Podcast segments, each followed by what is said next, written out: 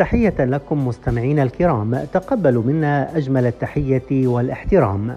نتحدث اليوم عن عدد من أقدم المدن التي ظلت مأهولة بالناس منذ تأسيسها وذلك استنادا إلى مصادر معتبرة بينها موقع منظمة الأمم المتحدة للتربية والعلوم والثقافة اليونسكو. واللافت أن معظم المدن التاريخية المأهولة عبر آلاف السنين هي مدن عربية وعلى رأسها مدينة القدس. الأدلة الأثرية تبرز أن القدس ظلت مأهولة بالسكان منذ الألفية الرابعة قبل الميلاد على الأقل. ويعود تاريخ أولى الوحدات السكنية الدائمة المعروفة في المدينة إلى العصر البرونزي المبكر بين 3000 و 2800 عام قبل الميلاد.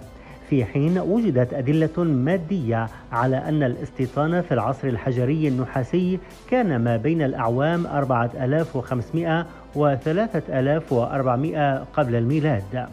ونظرا لتاريخها الطويل وأهميتها الدينية فإن التقديرات تشير إلى أن القدس دمرت مرتين على الأقل وحوصرت أكثر من 23 مرة واحتلت واستعيدت 44 مرة وهوجمت 52 مرة وذلك وفقا لموقع تلغراف البريطانية وهي إحدى مواقع التراث العالمي لليونسكو.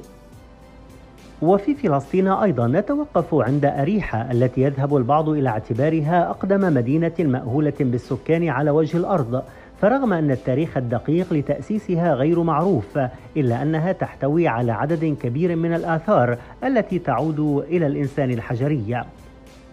ووثقت الأدلة الأثرية 23 طبقة من المواقع والحضارات القديمة هناك تعود إلى الألفية العاشرة قبل الميلاد. وخلال أعمال التنقيب تم اكتشاف آثار زيارات الصيادين من العصر الحجري الوسيط التي يرجع تاريخها إلى نحو تسعة آلاف عام قبل الميلاد بالإضافة إلى الآثار القديمة لجدار حجري ضخم ما يؤكد أن أريحة هي أيضا أقدم مدينة مسورة معروفة في العالم. ومن فلسطين إلى مصر وتحديدا إلى مدينة الفيوم التي عرفت في التاريخ باسم شيدة أي الجزيرة. وقد أظهرت الأدلة الأثرية أن المنطقة دعمت المجتمعات الزراعية منذ نحو خمسة آلاف عام قبل الميلاد. وتم تأسيس تجمع سكاني في الفيوم الحالية في الفترة ما بين 2686 و 2181 قبل الميلاد. وتوجد في الفيوم آثار فرعونية وآثار خاصة بالحضارتين اليونانية والرومانية إضافة إلى الآثار القبطية والإسلامية. وتضم المدينة كذلك أكبر متحف يحتوي على حفريات لكائنات منقرضة مثل الديناصورات. ومن مصر إلى سوريا حيث نعرج على دمشق وتوجد هناك أدلة أثرية في منطقة تل رماد تحديدا في ضواحي المدينة تدل على أنها كانت مأهولة بالسكان منذ عشرة آلاف إلى ثمانية آلاف عام قبل الميلاد ما يجعلها واحدة من أقدم المدن المأهولة باستمرار في العالم.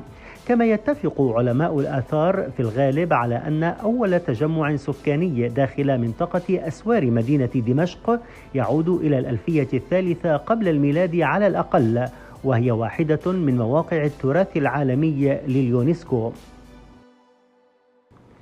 ومن سوريا إلى لبنان وبالتحديد إلى مدينة جبيل القديمة المتربعة على ساحل البحر الأبيض المتوسط حيث تعاقبت عليها حضارات عديدة ووفقا لليونسكو كانت المدينة مأهولة بمجتمع من الصيادين لأول مرة سنة ثمانية آلاف قبل الميلاد.